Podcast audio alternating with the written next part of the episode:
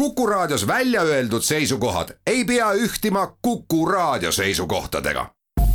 Te kuulate Kuku Raadiot. autotundi toetab Alexela. Alexela kodukaardiga kütus kuni miinus viis senti liitrilt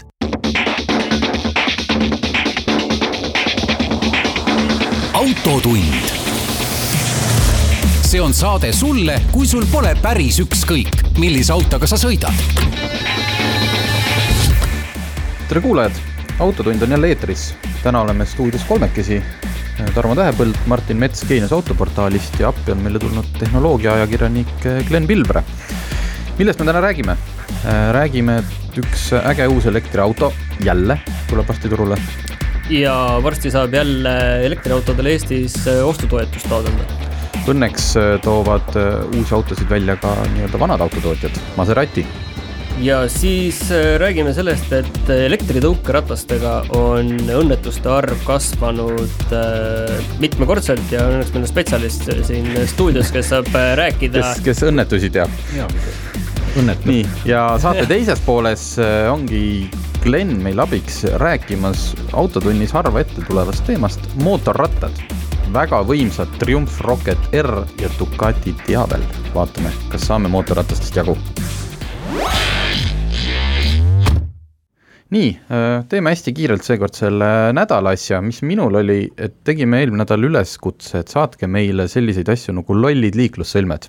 lihtsalt, et kus annaks teie arust liiklust palju parandada, kus on väga probleemsed kohad, ähm, halvad lahendused, arvasime, et noh, saame natukene neid kajastada, kaks-kolm-neli tükki praeguseks hetkeks on mulle laekunud üle saja erineva liiklussõlme. no arvan okay., sa oled saadud kõik liiklussõlmedest peaaegu just, loomulikult äh, neid, äh, neid on korduvaid, neid on ka seal lihtsalt äh, selliseid, et rattateedega on me... kas mõni suurem koht Tallinnas on jäänud markeerimata, et mis ei ole? ei, minu arust ei ole, aga, aga ühtlasi ma ei hakka teile siin ette lugema, me teeme sellest eraldi sarja autogeenuse portaali, kus me võtame appi spetsialistid, kes ütlevad, kas need on ka päriselt lollid või on hoopis inimesed natukene võib-olla äh, ennatlikult. vajavad järeleaitamist. vajavad järeleaitamist.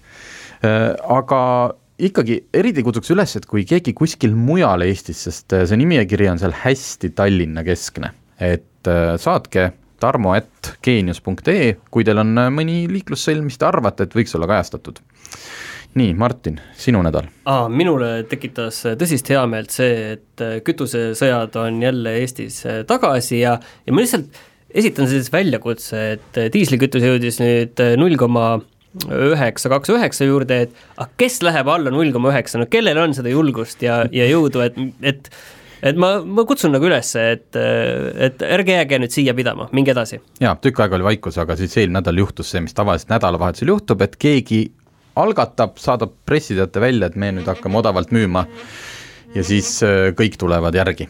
tehke seda jälle. nii Äh, mis elektriautost ma rääkida tahtsin, selle nimi on Lucid ja mudeli nimeks Air. me ei ole seda siin saates kajastanud. ja kuigi tundub, et see võib olla üks äh, nendest autodest, mis jälle on kuskil paberi peal, äh, investeer-, noh, otsib investoreid ja hästi ilusad renderdused, siis tegelikult Lucidil on see osa juba läbitud, aastal kaks tuhat seitseteist olid nad peaaegu põhja minemas, kaks tuhat kaheksateist tuli Saudi Araabiast miljard dollarit. Ja kui ma nüüd otsisin pilte, siis äh, selle aasta aprilli seisuga ja need ei olnud renderdused, on nende tehased juba ikkagi seal, sealmaal, et äh, et nende lubatud auto, mis peaks kaks tuhat kakskümmend üks äh, neljandas kvartalis valmis saama, võib isegi saada, sest et noh, tehased on peaaegu juba olemas. oota, aga selgita nüüd ära, et mis auto see üldse Lucid Air väga ilus, noh, kui, kui varem me nimetasime kõiki selliseid autosid või ajakirjanduses nimetati Tesla killer ja nüüd tuleb järjekordne Tesla konkurent, siis see auto pigem, ma arvan, sihib Porsche Taycani ja Tesla ülemise otsa mudeleid. ta hakkab küll, kui tal tuleb välja ka kõige soodsam mudel, siis ta hakkab sealt kuskilt seitsmekümne tuhande dollari juurest, mis eurodes on selline Tesla Model kolme tippmudeli hind. Aga, aga ülemine ots, kõige võimsam, millel on tuhat ükssada hobujõudu ja kaheksasada kilomeetrit sõiduulatust. See läheb sinna mm, sada seitsekümmend tuhat dollarit, no niisugune sada viiskümmend tuhat eurot, mis tegelikult on ju Porsche Taycan Turbo S on lisavarustusega koos ka üle kahesaja tuhande euro. Neil on juba kodulehel konfiguraator, nad arendavad veel ka veel, veel, veel võimsamat mudelit, aga see ei olegi tähtis. auto on suur, ta on sellise sedaani kujuga nagu Porsche Taycan, aga tahaistmele mahub äh, vähemalt piltidena nende jutu järgi ilusti kolm inimest. et äh, ta ei ole nagu selline hästi, hästi kompaktne sportautolik, vaid ta on korralik äh, ilus sedaan. ja mis põhiline, kui sul on alati on see keskkonsoolis on suur ekraan, no siin parema käe juures siis sellel autol saab selle nupuvajutusega sõidutada keskkonsooli sisse. nii et äh, see ei sega sind siis sõidu ajal. mul on nüüd ainult üks küsimus, on no. ju, et, et kui nüüd see ostutoetus peaks kunagi tagasi tulema elektriautodele, et äh, kas siis äh, ma seda saan osta või ei saa? ei saa miks? sellepärast, et selle kõige, kui see jäävad need Eesti elektriauto ostutoetuse tingimused, siis auto ei tohi maksta üle viiekümne tuhande euro. Ilma käibemaksuta vist oli. nii et oli... sul jääb see ostmata sellisel juhul. kahju, muidu väga, muidu oleks väga tahtnud, aga täpselt see osa puudub. aga see oli tegelikult sujuv üleminek nüüd äh... no elektriauto ostutoetusele yeah. väga, väga, väga sujuvalt. jaa, äh, tuli lõpuks ometi teade, et oktoobrist äh, täpselt mis kuupäeval, ei ole teada, sest nad seda statuuti panevad alles kokku. mulle meeldib see, et nad hoiavad seda asja alati natuke saladuses, et kõik oleksid kogu aeg niiviisi valmis, valmis. tead, see on nagu filmitreileritega, et see kõigepealt tuleb diiser ja siis tuleb esimene treiler ja siis tuleb teine treiler. Äh, oktoobrist igatahes avatakse teine voor, nelisada tuhat eurot ja äh, mis selle juures nüüd on oluline, et need, kellel äh, kevadel siis ei, oli kevadel või oli see eelmine aasta? see oli päris ammu vist. see oli ikka päris ammu, sest nad lükkasid seda, ei, oli millal oli, ei tule meelde Mit, äh, lähiminevikus. lähiminevikus, kes said seda toetust, need uuesti taotleda ei saa. nüüd me esitasime neile muidugi kiusliku küsimuse, aga kui juhtub see, et nagu esimese raames oli, et osadel inimestel oli tehtud väga palju ettevõtteid, et kui nüüd need inimesed, noh et sama ettevõte ei saa enam taotleda ja sama eraisik, kes on juba saanud äh, toetust, et kui hakatakse jälle uusi firmasid tegema, siis ma saan aru, et neil endal on ka see mure olemas ja nad hetkel kaaluvad, kuidas seda kas ja kuidas seda piirangut peale panna. et noh, selles mõttes, kui me lõpuni tahame skeemitada, siis kindlasti võimalus on. kas see toetus on siis äh, viis tuhat eurot per auto, sõltumata ostjast, on see eraisik, on see firma? jaa äh,, eraisiku puhul oli see tulumaks, tulumaks tuli sealt maksta, nii et Aha. tegelikult on neli tuhat eurot. ja seal oli ka need piirangud, et eraisik sai vist, eks ühe auto osta ja ettevõte sai kümme osta. ja see puudutab ikkagi uusi autosid? uusi, täiesti uusi, äh, muud ülejäänud tingimused äh, tundub, et jäävad samaks, seesama viiekümne tuhande euro piir seesama, et see auto, nüüd, nüüd see kättesaamise osa ilmselt tehakse natuke paindlikumaks, arvestades kõike seda, et äh, koroonad, asjad, et noh, päris seda tingimust ilmselt ei tule, et aasta lõpuks peab see auto sul hoovis olema äh, ma tegin praegu sõrme peal natukene sellist matemaatikat, et viis tuhat eurot toetus ja nelisada tuhat kokku, et see on siis äh, kaheksakümmend autot ainult. see eelmine esimene voor oli minu meelest oluliselt suurem, kus läks ikkagi ligi kakssada autot äkki ma ei tea. igal juhul kaheksakümmend autot, see ei tundu nagu nüüd ülemäära palju. kindlasti mitte, jah kas sa valesti ei arvutanud, kaheksasada ei ole või, palju nulle on? minu arust kaheksakümmend ikkagi. Te arvutage, ma loen vahepeal ette, et eelmisest voorust on äh, KIK praeguseks välja maksnud kusjuures äh, viiekümne kolme auto soetamiseks äh, kakssada kuuskümmend viis tuhat eurot ja mhm. kokku, kuulge, teil on vist õigus, kokku eraldas riik ostutoetust tarbeks üks koma kaks miljonit ja kakssada kuuskümmend viis sellest on praegult välja makstud, sest inimesed ootavad ilmselt oma autosid. et need ei jõudnud eh, nii kiiresti kohale. positiivse otsuse saanud isikutel on aega auto välja osta kuni üks aasta ehk siis e ah, eelmise toetuse tähtaeg kukub seitseteist jaanuar kakskümmend kakskümmend üks. no siis on teada, et jah, see oli talvel oli see esimene voor. just. igatahes toetus on tulemas, olge siis valmis, sest tõenäoliselt tuleb jälle kiirete näppude voor äh,. Glen, on sul juba tehtud äh, taotlus? ei, mul on, mul on õnneks või kahjuks olemas elektriauto et ma ei taha, ei taha nüüd kohe uut osta, ma ootan natuke veel, et ma võtan selle Lucidi peale ikkagi nagu suuna no,. ei, aga, aga tegelikult, tegelikult teeme siia ühe pausi ja siis räägime sellest natuke veel edasi.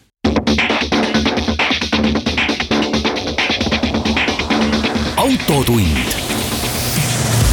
see on saade sulle, kui sul pole päris ükskõik, millise autoga sa sõidad autotund tagasi, äh, jäime pooleli selles ostutoetusest. E, tegelikult lihtsalt küsimus küll, et kas sa lihtsalt oled selles mõttes nagu tubli kodanik, et sa ei osta kohe uut kui van-, noh, kui uus mudel välja tuleb või sa tegelikult ootad mingit konkreetset autot? ei, ma tegelikult sõidan selle autoga väga rõõmsalt. sa peaksid markeerima, mis see nüüd on? see auto on tegelikult Nissan Leaf, et ta on selle, kuidas ma ütlen, esimese generatsiooni teine mudel, et ta on tegelikult kolmekümne kilovatt-tunnise akuga ja mulle see auto nagu väga meeldib, et ta on mul nüüd tänase seisuga siin umbes, umbes paar või rohkem aastat vana või paar-kolm aastat mm -hmm. vana, et et ta sõidab erakordselt hästi, et seal kella peal on mul juba peaaegu sada tuhat kilomeetrit ja kõik töötab. et ma nagu ei näe praegu põhjust, et miks ma peaksin hakkama möllama, et nüüd seda õudselt müüma või ma päris mitut mm -hmm. ka ei taha kohe osta. et selles mõttes ma olen temaga nagu väga rahul, et ilmselt mingite aastate möödudes äh, muidugi tuleb osta tõesti järgmine, mis iganes see mm -hmm. siis on, on see mõni, mõni, mõni kiirem või mõni aeglasem, aga aga vot aeg läheb nii ruttu, et et kui täna hakkad juba plaanima elektriauto ostu, siis võib juhtuda, et aasta pärast sa saadki sama raha eest sellesama Lucidi või mida iganes, et, et noh, see see areng on tegelikult nii metsik, et akude suurused muutuvad ja autode kiirused muutuvad ja hinnad langevad ja toetused tõusevad ja et kõik see on väga tore ja sa oled nüüd mitu aastat sõitnud nagu Oi, päriselt sõitnud, ka elektriauto usku või sa oled lihtsalt et... ma olen, ma olen sõitnud juba puu aastast kaks tuhat kolmteist või, seitse mm -hmm. aastat, üle seitsme aasta okei okay,, see ilmselt ei ole väga pikk test tehnoloogia ajakirjanikuna, vaid sulle päriselt no, meeldib? jaa, noh, ütleme, eks ma alati võin ka öelda, et ma testin seda autot loomulikult ja, ja, ja mulle, mulle väga meeldib, et et, et ilmselt seda juttu räägivad tegelikult kõik elektriauto omanikud, kellel on auto, et muidu neil ju ei oleks seda, et see oleks ka nagu imelik, et on mingi tüüp, kellel on elektriauto ja kes kogu aeg hädaldab, kui halb see on, et et, et, et sa pead lihtsalt teadma, et sa ei sõida ümber maakera selle autoga Aga täna, on ju. ma just mõtlengi, et äh, selles mõttes, et oskad sa nagu öelda, et on sul midagi nagu jäänud tegemata, kuna sul sul on elektriauto? no ma ei saa nii öelda, et mul on jäänud sellepärast tegemata, aga siis ma ilmselt ei mõtlegi, et ma üldse niimoodi võib-olla teeksin, eks ole, et et, et noh, omal ajal muidugi sai ka autoga tulistatud kusagile Euroopasse, eks ole, aga täna on meil kõik kaart punane ja ei sõida see üldse enam kuskile, et et neid noh, neid põhjuseid võib leida igalt poolt, eks ole, nii et, et et ikkagi ma ütleks, et nii palju on tänu sellele tehtud, et ma ikkagi elektriautoga olen sõitnud õudselt palju, et mul on sellist linna lähisõitu mm. kõvasti ja ja kui ma vaatan, mõnikord olen arvutanud kokku kilomeetreid ja bensiinihindasid ja mõelnud, et see on ikka uskumatu, kui suur kokkuhoid tuleb sul sellest kütuse ja hooldus ja kõikidest kuludest, et et see on täiesti ebareaalne, kui, kui tore on vaadata bensiinihindasid ja mitte neid üldse vaadata, no mitte neist nagu üldse mingit muret tunda, et et see ei, see ei tähenda mitte midagi. aga kas sama kodust laadimist äh, sätid börsihindade järgi? ei, ei, seal on mingisugune pakett, mille sisusse ma isegi ei ole väga süvenenud, aga noh, eks see elektri hind on, nagu ta meil kõigil on, eks ta seal vist mingi kümne sendi tuuris umbes mm -hmm. midagi, sinnakanti ta kuidagi mõnikord hüppab üles-alla, nii et ma, ma iga kuu maksan elektriauto eest, elektri eest seal noh, ütleme kahekümne viiest umbes viiekümne euroni ja olen võimeline selle raha eest läbi sõitma kolm tuhat kuni neli tuhat kuus peaaegu mm. -hmm. et nagu et äh, kolm tuhat noh, bensiinist no, tähendab sisuliselt kolmsada eurot äh, sisuliselt keskmise autoga. ja jah, et, et noh, see on, ütleme, ütleme nii, et nagu see, see rahalist külge ei olegi olemas ja teine külg on nagu hoolduskulud et, et noh, olles ka ikkagi selline bensiinikiirete autode omanik olnud teatud ajal ja neid tuuninud ja möllanud igasuguste turbotega ja ja näinud, kuidas sa pead neid kogu aeg remontima, noh, kuidas on vaja vahetada õliküünlaid, siis midagi laguneb, siis läheb mingi rihm katki, mingi filter, noh et et seal on nagu mustmiljon osa, mis kogu aeg vajavad sinu rahakoti suurust ja hoolt, eks ole. nii, aga aga kuidas see, oota, aga kuidas see Leap nagu, nagu tehniliselt on vastu pidanud, et muidu, mida ma nagu tähe, panen nagu foorumites tähele, et Leap ja õõtshoob on nagu mingi teema, mis käib see vist ongi ainus asi muide, sellepärast ilmselt foorumites sellest räägitaksegi, et midagi muud seal ei lagune, et, et mul oli ka esimene Leap, millel vist tõesti mingi sada pluss tuhande pealt oli see õõtshoova teema, teema ja isegi mitte nii väga õõtsoop, seal on need šarniiripuksid koos õõtsooga, kui me tehnilist juttu räägime, et sa ei saa nagu neid eraldi vahetada, sa pead kogu selle tüki võtma ja rauhti ära vahetada ja siis on jälle hästi.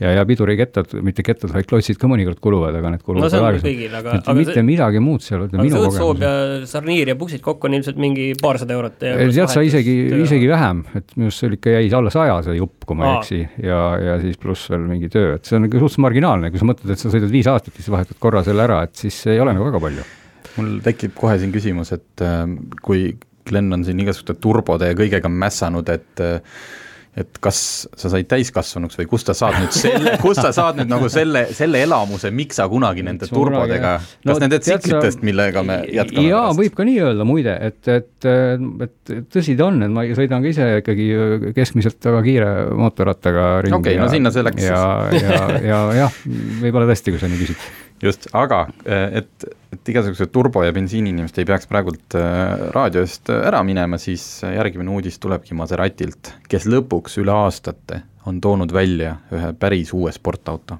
et vahepeal ta tuli küll Levante linnamaasturiga, mis on igale automargile oluline, aga nagu autonduse mõttes mitte just selline asi, millega väga palju ringi lehvitada, siis nüüd tuli MC kakskümmend, täiesti uus keskmootoriga superauto. Selline, kuidas ma ütlen, Ferrari eh, F8 ja kõigi nende, nende klassi minev sõiduk, kes tahab kohe teada, mis see siis ka maksab, siis ehm, tõenäoliselt Eestisse umbes kakssada tuhat või rohkem tuuakse ta sulle ära maksudega koos. seal sees on kolmeliitrine kahe turboga V6, kuussada kolmkümmend hobujõudu, seitsesada kolmkümmend newtonmeetrit väänet ja ühesõnaga, peaks olema tegemist kõige võimsama kuuesilindrilisega, millel ei ole hübriidajamit, mida hetkel osta saab. auto näeb väga kuidas ma ütlengi, stiilne ja klassikaline välja, et on mindud sellise klassikalise sportauto peale ja kiirendab äh, kahe koma üheksa sekundiga ja kahesajani kaheksa koma kaheksaga. et ühesõnaga, raske on midagi noh, pikalt nüüd raadio teel, et pilte te ei näe, otsige Maserati MC kakskümmend, ilus auto. väga ja... ilus on jah, ma just vaatan selle jutu peale pilti. just, ja kõige, kõige rõõmustavam tegelikult selle uudise juures ei olegi, et ükskõik mitu hobujõudu ja, ja kui palju tal Nürburgringi aeg lõpuks tuleb, just, vaid see, et need Itaalia sportautod ei ole selles FCA kontsernis kuskile riiulile ära lükatud või veel hullem, kasutatud Maserati nime näiteks mõne Ameerika auto müümiseks Euroopas, nii et äh, loodame, et teeb ellust, plaanid on neil suured ja neil tuleb autost juurde, aga läheme elektri juurde tagasi.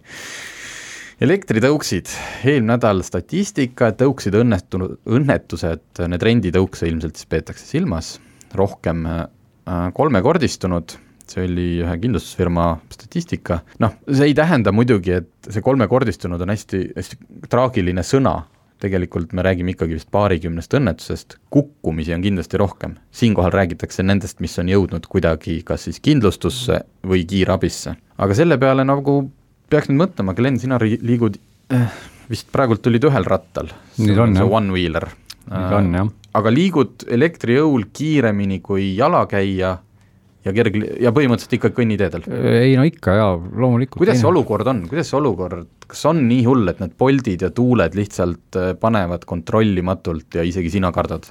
ei, ma ei, ilmselt ei karda, muidu ma ju ei sõidaks, aga aga muidugi see, noh, see probleem on ju olemas ja, ja seal ongi, ausalt öeldes väga keeruline on seda selles mõttes lahendada, et et see sihtgrupp, kes tarbib neid renditõukse, on ju suures osas selline sihtgrupp, kes, kes mingil põhjusel ei osta seda endale, mis tähendab seda, et, et noh, võib-olla punkt A on ta turist ja punkt B on ta millegipärast inimene, kellele kuidagi just meeldib see vabadus, ta saab selle ühel samal ajal võtta, aga siis tal ilmselgelt ei ole sellist äh, noh, tal ei ole nagu seda sõiduvarustust ja võib-olla ei ole ka kogemust.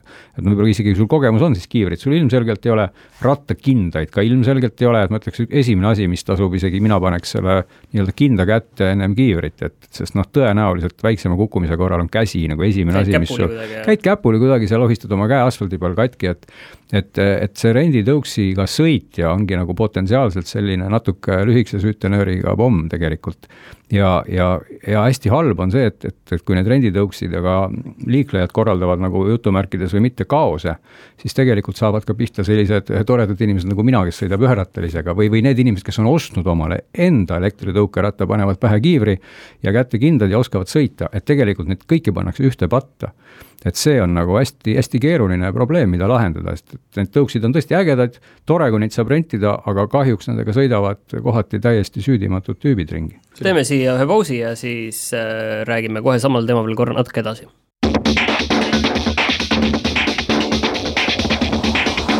autotund.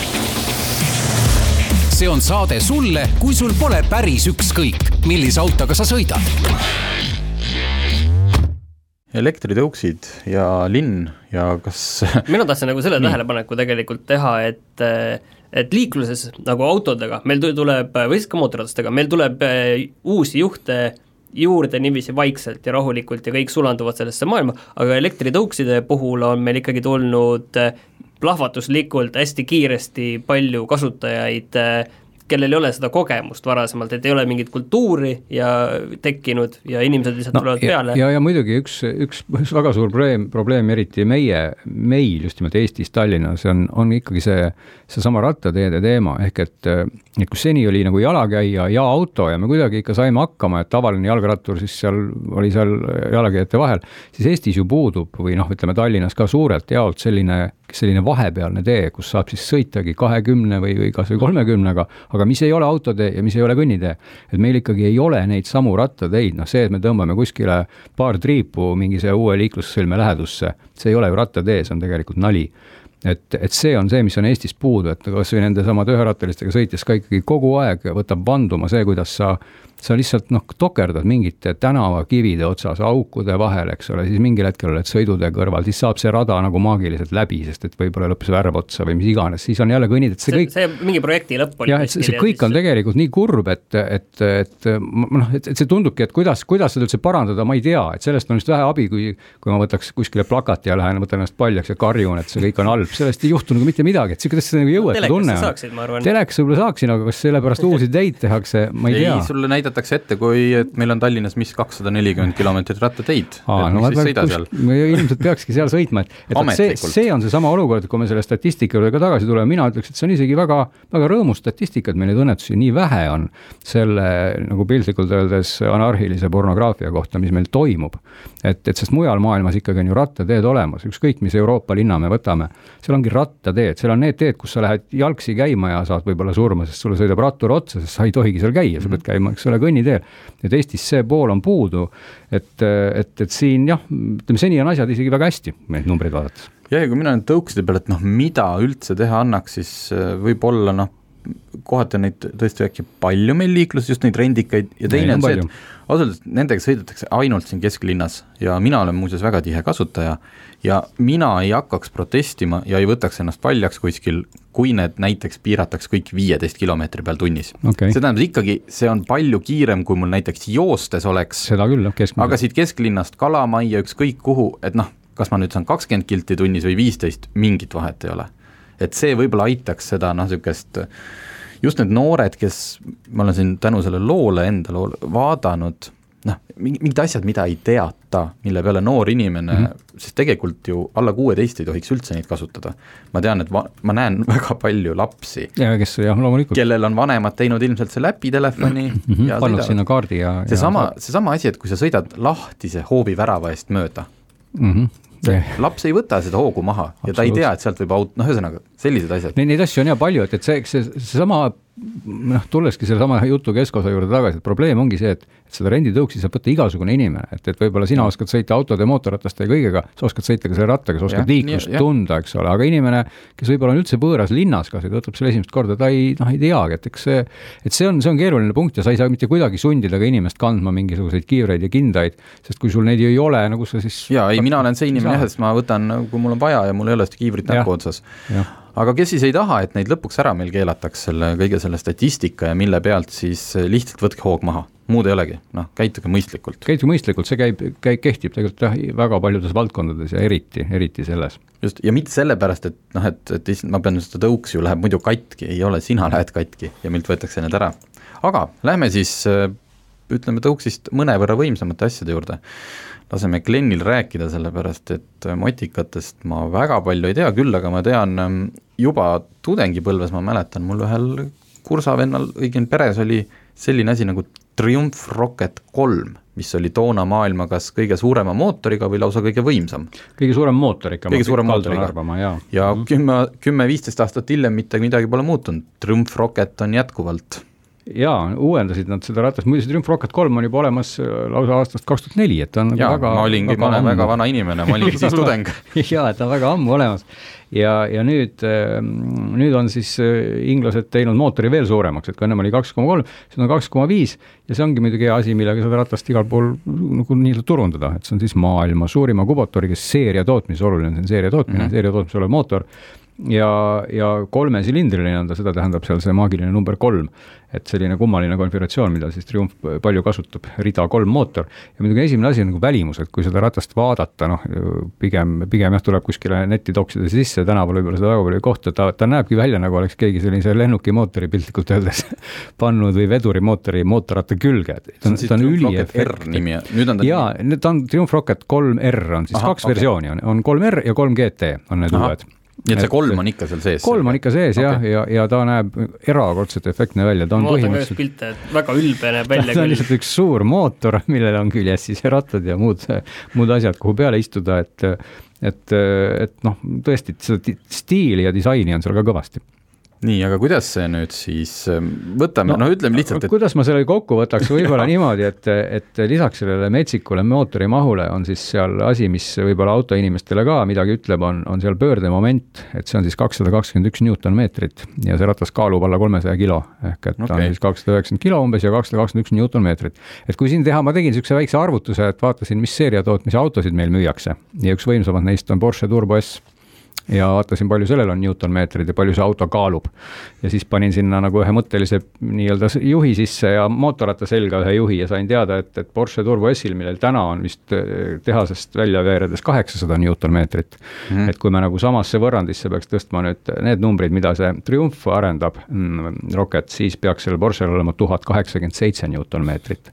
ehk et. see on siuke elektriauto maale läheb see tuhat kaheksakümmend seitse. et ta on ikkagi noh, ütleme, et see, see see nii-öelda võimsus, mis sellest mootorrattamootorist ja selle kaalu suhte juures tuleb, on ikkagi nagu sürreaalne noh, auto, autoskaalal absoluutselt ja tegelikult ka mootorrattaskaalal, et ta läheb ikkagi oskaja käes sajani ka kahe koma seitsme sekundi kandis. ja, ja põhimõtteliselt noh, äge on see, et absoluutselt iga käiguga, tal on kuus käiku, aga tal ei ole nagu põhimõtteliselt eriti vahet, millise käiguga sa parajasti üritad kiirendada, et see on, see on nagu tore, et sa võid ka linnaliikluses tiksuda vabalt kuuenda käiguga seal mingisugune viiekümne kümnega ja isegi selle kiiruse pealt äh, läheb ta küll ja veel, et su load kohe hoiule anda et.... okei okay., minul tsiklitega kogemus põhimõtteliselt null kuidas see hallatav on, ütleme, et mitte nüüd päris amatöör istu selga, aga ütleme keegi, kes mõtles, noh, sai no, ootamatult rikkaks ja nüüd tahab kõigemat ta on see hallatav? jaa, ta on hallatav, ta ei ole ju äh, ikkagi seesama kaal ei ole ju üldse mingi astronoomiline, et ta on tegelikult selle kohta ausalt väga kerge, et, et et ikkagi tsiklid, mis kaaluvad alla kolmesaja kilo, ma ei klassifitseeriks neid mingitest, mingiteks väga suurteks hiiglasteks, et sellised suured matkatsiklid siin nagu Goldwing ja mm. ja need kaaluvad seal ju isegi neljasaja kandis ja mõni isegi rohkem. ja, ja kuna ta on selline kruiiser tüüpi ratas, et ta ei ole siis paik, ta ei ole see ratas, kus sa lamad kõhuli peal mm, -hmm. et ta on pigem see ratas, kus sa istud nii-öelda püsti, R on niisugune, niisugune vahepealne nagu konfiguratsioon, et sul on nagu jalad kuidagi ees ja käed on ees, noh, võib-olla sihuke paralleel nagu Harley'dega või. nii et, nii et temaga sõita on iseenesest täitsa noh, ta on täiesti kontrollitav ja ta tundub ka sõidus pigem selline kerge, küll aga tal on esirehv mingi metsikult paks, nii et see nagu paneb natukene noh, tema ütleme, ta, ta, ta ei ole ka päris jah, selline nagu sulgkaallane ei ole, mhm. et, et sõidus ikkagi tundub, et sul on ratas. aga, aga kui sa vähegi mootorrattaga sõidad, siis ma ütleks, et pigem sellised, sellised kruiser tüüpi rattad, millel raskuskese on allpool, et nendega on iseenesest lihtsam sõita, et et võib-olla algajale kõige keerulisem on ikkagi sõita selliste kõrgete, kas siis mingite enduro või, või mm -hmm. bike'i tüüpi ratastega, kus võib-olla raskuskese mõnevõrra kõrgemal, võib-olla lenks on madalamal, et et selles mõttes ta ei ole mitte midagi hirmuäratavat, et, et noh, ma ei saa nüüd öelda, et minge tehke loed ja ostke see esimeseks rattaks. Mm.. aga ma mõtlesin just, just see jõu osa, et kas seal on nii-öelda natukene liiga, ma ei tea, aevastad ja siis, siis see juba lendab no on jaa, aga muidugi seda peab ütlema, et, et see on täna mootorrattamaailmas ikkagi ka väga, ütleme, automaailm on seal, seal ka täiesti esindatud, et et need stabiilsuskontrollid ja need nii-öelda siis targad abilised, kes sind ellu jätavad, need on väga-väga tasemel ja, ja ka sellel Rocketil on siis ABS on sõltub siis näiteks rattakalde nurgast, kiirendustest, seal on siis sees ka nii-öelda asendisensorid pluss kõik need nii-öelda kiirendusandurid. et tegelikult mootorratas piltlikult hoiab sul kätt ja jalga igas, igas hetkes, et, et noh, rääkimata sellest, et ta lihtsalt nii-öelda hakkab siis rehvi suitsetama, kui sa seda ei taha. et tegelikult ta, ta, ta sobib selleks väga hästi, et ta ei taha sind nagu kohe tappa, aga, aga loomulikult sa pead, sa pead andma endale aru, et, et see see dünaamika, mis sealt tuleb, et noh, see on, see on ikkagi plahvatuslik, et see on, see on meie oludes tekib natuke minul alati see filosoofiline küsimus, et kus ma seda siis nüüd nii väga naudin, sest et et noh, murdosa sekundiga oled sa ebalegaalses territooriumis selle sa loodad, et sa saad seal Peetri Selveri juures punase all esimesena ja siis ees ootab sind see Tartu maantee ja saad saja kümneni kiirendada. jah, aga see, see nagu ei ole eriti lõbus, sest see kestab nii vähe. et, et, et tegelikult ongi ta noh, et see, see ei ole ainult selle mootorratta probleem, eks ole, see on tegelikult väga paljude selliste kiirete autode probleem ka minu arvates, et et kus sa siis seda nii väga naudid, aga, aga noh, tuleb ka tunnistada, et see ei ole kindlasti see mootorratas, mis mis kuidagi, kuidagi maskeerib seda kiirust selles mõttes, et, et, et temaga ikkagi noh, noh, kuidas ma nüüd ilusti ütlen, et temaga sõita oli natuke nagu kannatus, sellepärast et ta ju noh, tuul puhub sulle, eks ole, kõvasti vastu, sest seal ei ole tuulekaitset. see isteasend on ka natuke nagu ta on, et, et ta ei ole päris see ratas, millega sa niimoodi noh, ma kogu aeg siin toon paralleeli Honda Goldwingiga, kes teab, Goldwing on selline neljasaja mm -hmm. kilone nagu põhimõtteliselt kaherattaline auto, mille peal sõites sa võid noh, võidki kohvi juua ja võileiba süüa ja samal ajal sõita et, et see kindlasti ei ole see ratas, et ta on ikkagi selline, selline ratas, mis tuletab sulle meelde, et ma olen üks suur mootorratas, et, et rõks on nagu ratas. teeme siia väikse pausi ja räägime edasi mootorratastest.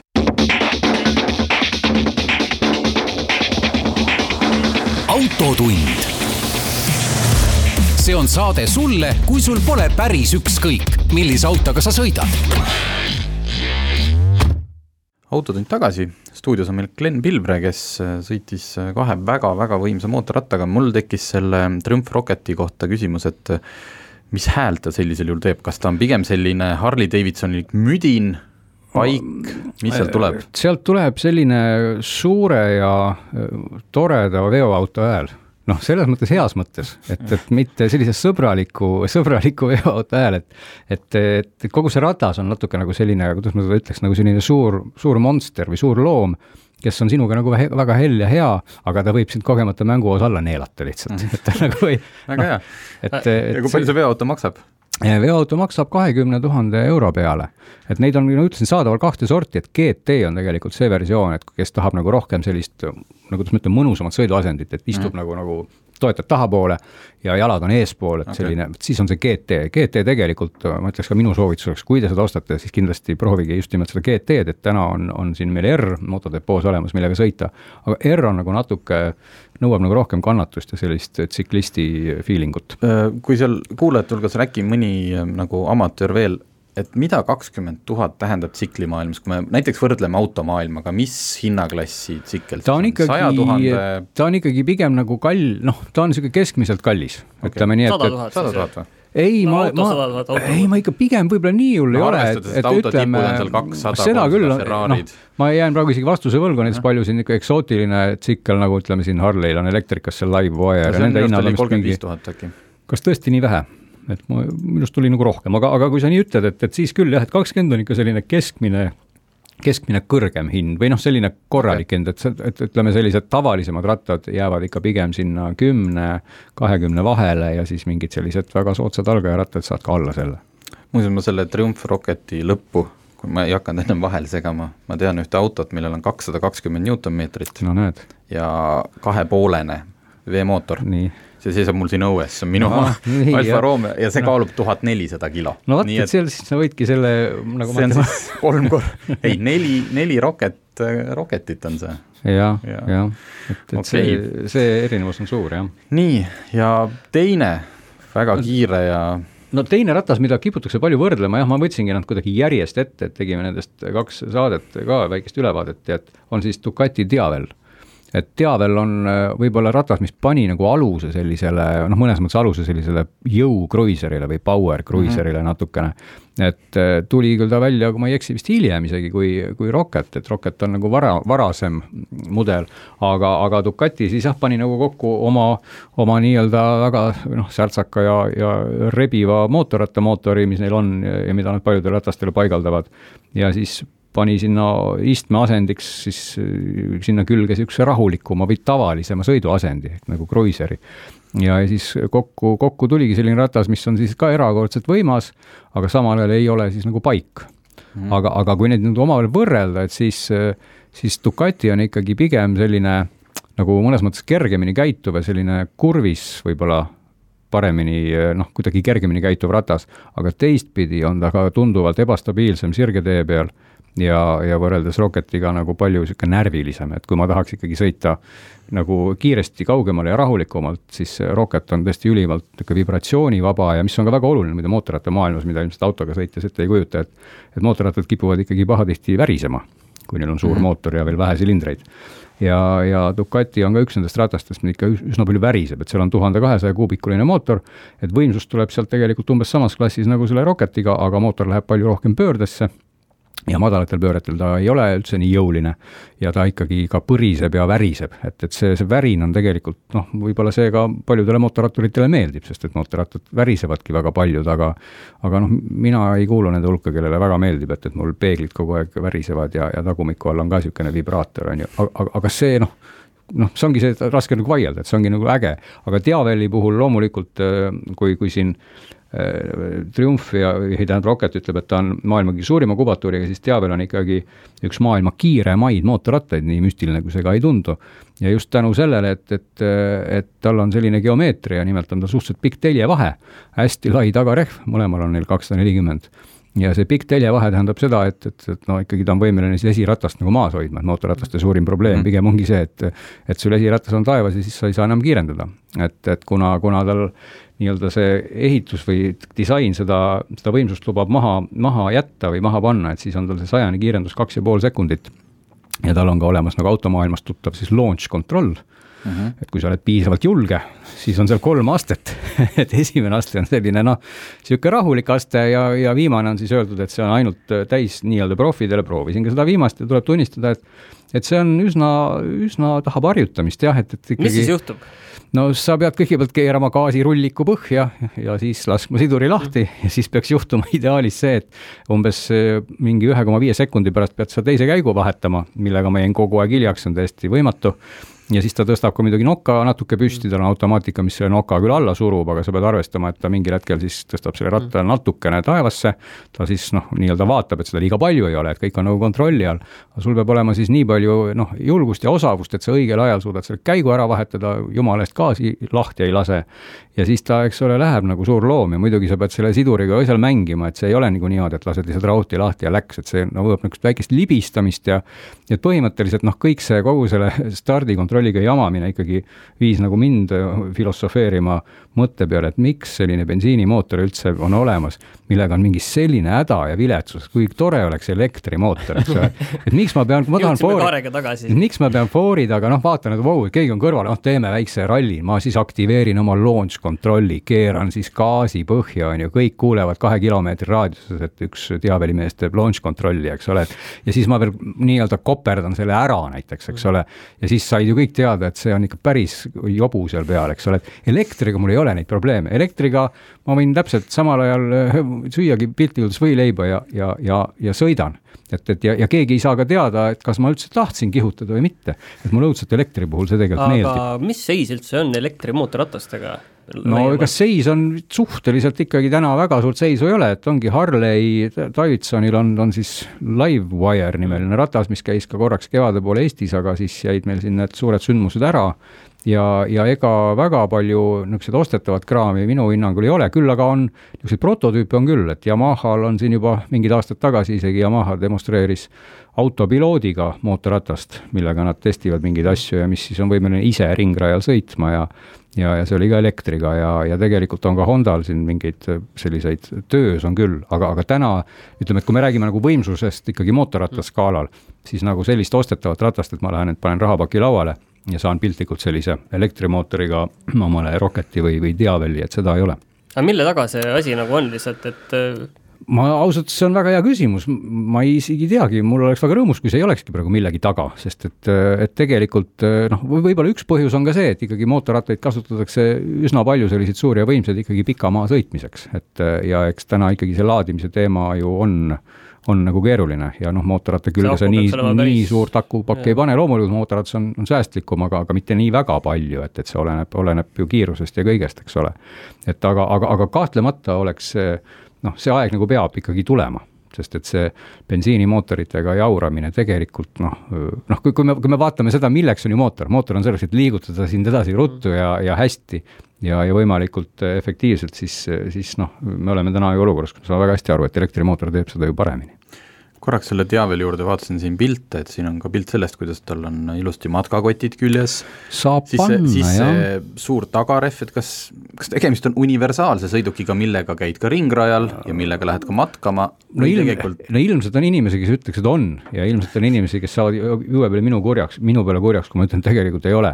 et, et põhimõtteliselt on ikkagi maailmas nagu kordades mugavamaid matkarattaid, see on, see on selge, noh et, et, et isegi pikam, või see noh, see all-rounder, et sul on vaja, tahad suvel käia no, Tartus oleneb sinu prioriteedist, loomulikult, kui sa ikkagi tahad sellist võimsat äh, kiirendust ja tunnet, et, et sul on seal launch control, millega mul jäi mainimata, saad sa teha järjest kolm launch'i, siis peab sidur jahtuma. Et, et, et siis, siis sul muidugi noh, kui see on sinu jaoks nagu väga oluline, siis ilmselt sa saad natuke teha järeleandmisi selle Pärnus või kaugemalgi käimise osas aga, aga, aga vastupidi, noh, kui sa ei ole nii väga, et sa nüüd tahad kuskil rinkal paugutada, et siis ikkagi selline rattaklass, mille nimi on, ütleme nagu sport touring või kus sul on nagu rohkem tuulekaitset ja kõike mm, -hmm. see on nagu pikamaa sõiduks ikkagi mõõtmatult mugavam aga mis see hind on, sellest me rääkisime? see hind on umbes samas suurusjärgus, nagu siin Rocketi puhul rääkisime, et, et ta, kui ma ei eksi, kas ta jäi natuke kahekümne alla või oli ta seal mõned, mõned eurod peal, et, et sõltus ta jälle ka varustusest, et, et nagu siin jutuks oli, saad sa siin igasuguseid kotte ja klaase tegelikult külge kruvida, mis siis tehase poolt ka tulevad ja need seda hinda tõstavad, aga nad on, nad on enam-vähem samas, samas klassis rattad, et noh, ega täna me oleme ammu ju selles olukorras, kus tegelikult mootorratas ei ole ju enam see nagu praktiline sõiduvahend, et reeglina kõik mootorrattaomanikud on vist kõigepealt autoomanikud, noh, tihti mm., ja alles siis mootorrattaomanikud, nii et eks ta on ikkagi selline luksuskaup ju igal juhul, et aga aga, aga jah, kui sa, kui sa ikkagi tahad nagu sellist allrounderit, siis võib-olla ei tasuks päris nende rataste peale noh, ütleme, et on nagu sobivamaid valikuid, see peaks olema üks ratas paljudest nüüd äh, oleme siis selle, selle otsa lahti teinud, et Autotunnis kajastanud ära mootorrattateemad ja kui meeldis, võib-olla isegi teeme seda tulevikus jälle, aga aitäh, Glen, et äh, meid äh, harisid. kohtume järgmine nädal. igatahes, aitäh.